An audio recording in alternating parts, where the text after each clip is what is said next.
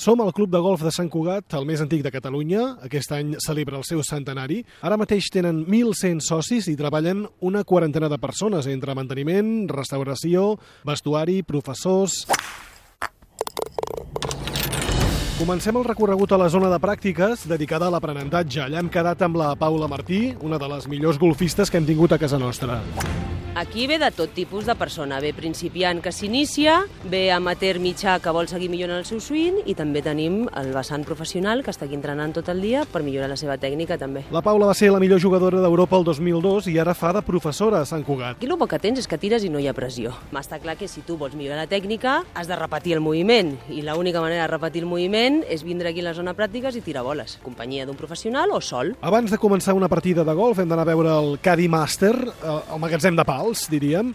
Allà hi ha el David Martínez que ens explicarà de seguida la feina que hi fa. Per a que vingui el client, mirar què vol jugar, si vol una moto, un carret elèctric o, o un cotxe, i fer el servei de posar-li els pals al cotxe, a la moto, el que sigui, i quan plega recollir, netejar els pals i guardar el material. La següent parada, el vestidor. L'Alberto és el responsable i el que té cura de les sabates dels jugadors. Feina important, la seva. La feina, pues, tenir preparades les sabates quan venen els jugadors. Quan venen del camp, netejar-les una miqueta i engrasar-les.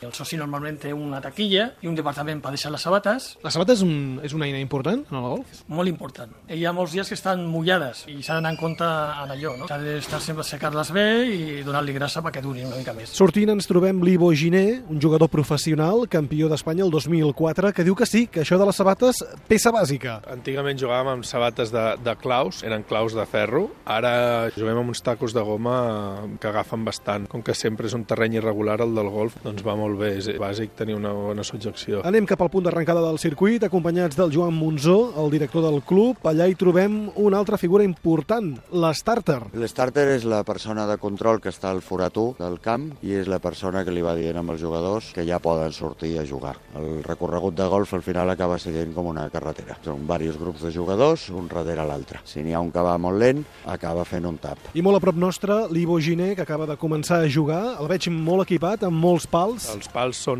14 al màxim permès i un pad que tothom el porta, que és per ficar la bola al foradet en el green, no? quan arribem a la zona que està al forat. 14 pals? Cada pal serveix per una cosa diferent? Sí, sí, sí. Tots tenen un angle diferent per distàncies, per medir distàncies, i en funció de la distància que tinguis en cada forat, doncs escolleixes un o un altre. Per exemple, a Sant Cugat és molt típic la moto, on diuen que és com un- una moto de tres rodes, que portes carregada la, la bossa darrere i tu vas assegut. Molta gent camina i porta o carro elèctric o carro manual i després hi ha els que anem amb la bossa a l'ombra. Ara aquests jugadors que han passat no han fet això que farem ara nosaltres. Ara ho sentiràs. Aquesta campana el que fa és avisar els de darrere que poden jugar. Amb el Joan Monzó agafem el Buggy, un petit vehicle elèctric de quatre rodes i per dues persones. El nostre cas no és tant pel jugador, sí que és veritat que hi ha alguna vegada que algun jugador el demana, però sí que és el que porta el Marshall, que és la persona que controla el ritme del joc i fa l'atenció al jugador. I ara on anem? Ara anem a trobar pel camp el greenkeeper. El greenkeeper és la persona que té cura del camp, que coneix això com si fos la seva vinya, pràcticament. Hem d'anar molt al tanto, perquè és l'únic camp urbà que hi ha a Espanya, i creuem quatre cops carrers de, del poble per seguir el recorregut. L'Àngel Mora és el greenkeeper o el jardiner del camp, podríem dir. Això s'ha de segar cada dia? Fins cada dia el seguem. I els carrers dos dies per setmana. I canviem ara a l'hivern, que sí cada dia els forats. Jo diria ara que quatre vegades a la setmana estem canviant els forats, la posició de bandera. Què vol dir canviar els forats? Pues la posició de bandera és la dificultat del joc.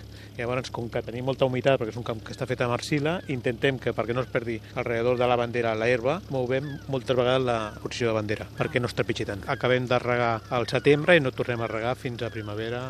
Ja a partir de, de l'abril reguem cada dia. Quanta aigua es pot eh, necessitar per regar un camp d'aquests? Durant... El mes més crític, que pot ser juliol-agost, estem alrededor d'un milió de litros. El camp de golf de Sant Cugat té uns veïns intrusius molt especials, els senglars. Han passat tot l'estiu amb pocs aliments al camp i el que baixen és pels bordes de les rieres i per les rieres que venen de Collserola Fa malbé el terreny? i fan malbé el terreny. Si entra una cotxina i, i els marranos petits poden fer-te 400-500 metres quadrats tot aixecat de morros. Costa molt de refer, allò. Sí, mai queda perfecte si no es porten tepes nous, que tepes són herbes, trossos d'herba. Una altra amenaça en un camp amb molts arbres com aquest són, atenció, els cops de pilota.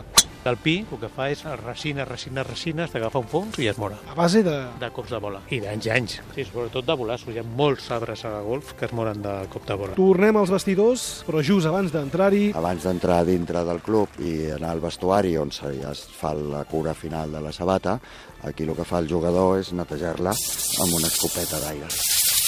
El de Sant Cugat és un camp petit de 36 hectàrees. Ara bé, una partida pot durar entre 4 i 5 hores i els jugadors acaben caminant entre 6 i 8 quilòmetres.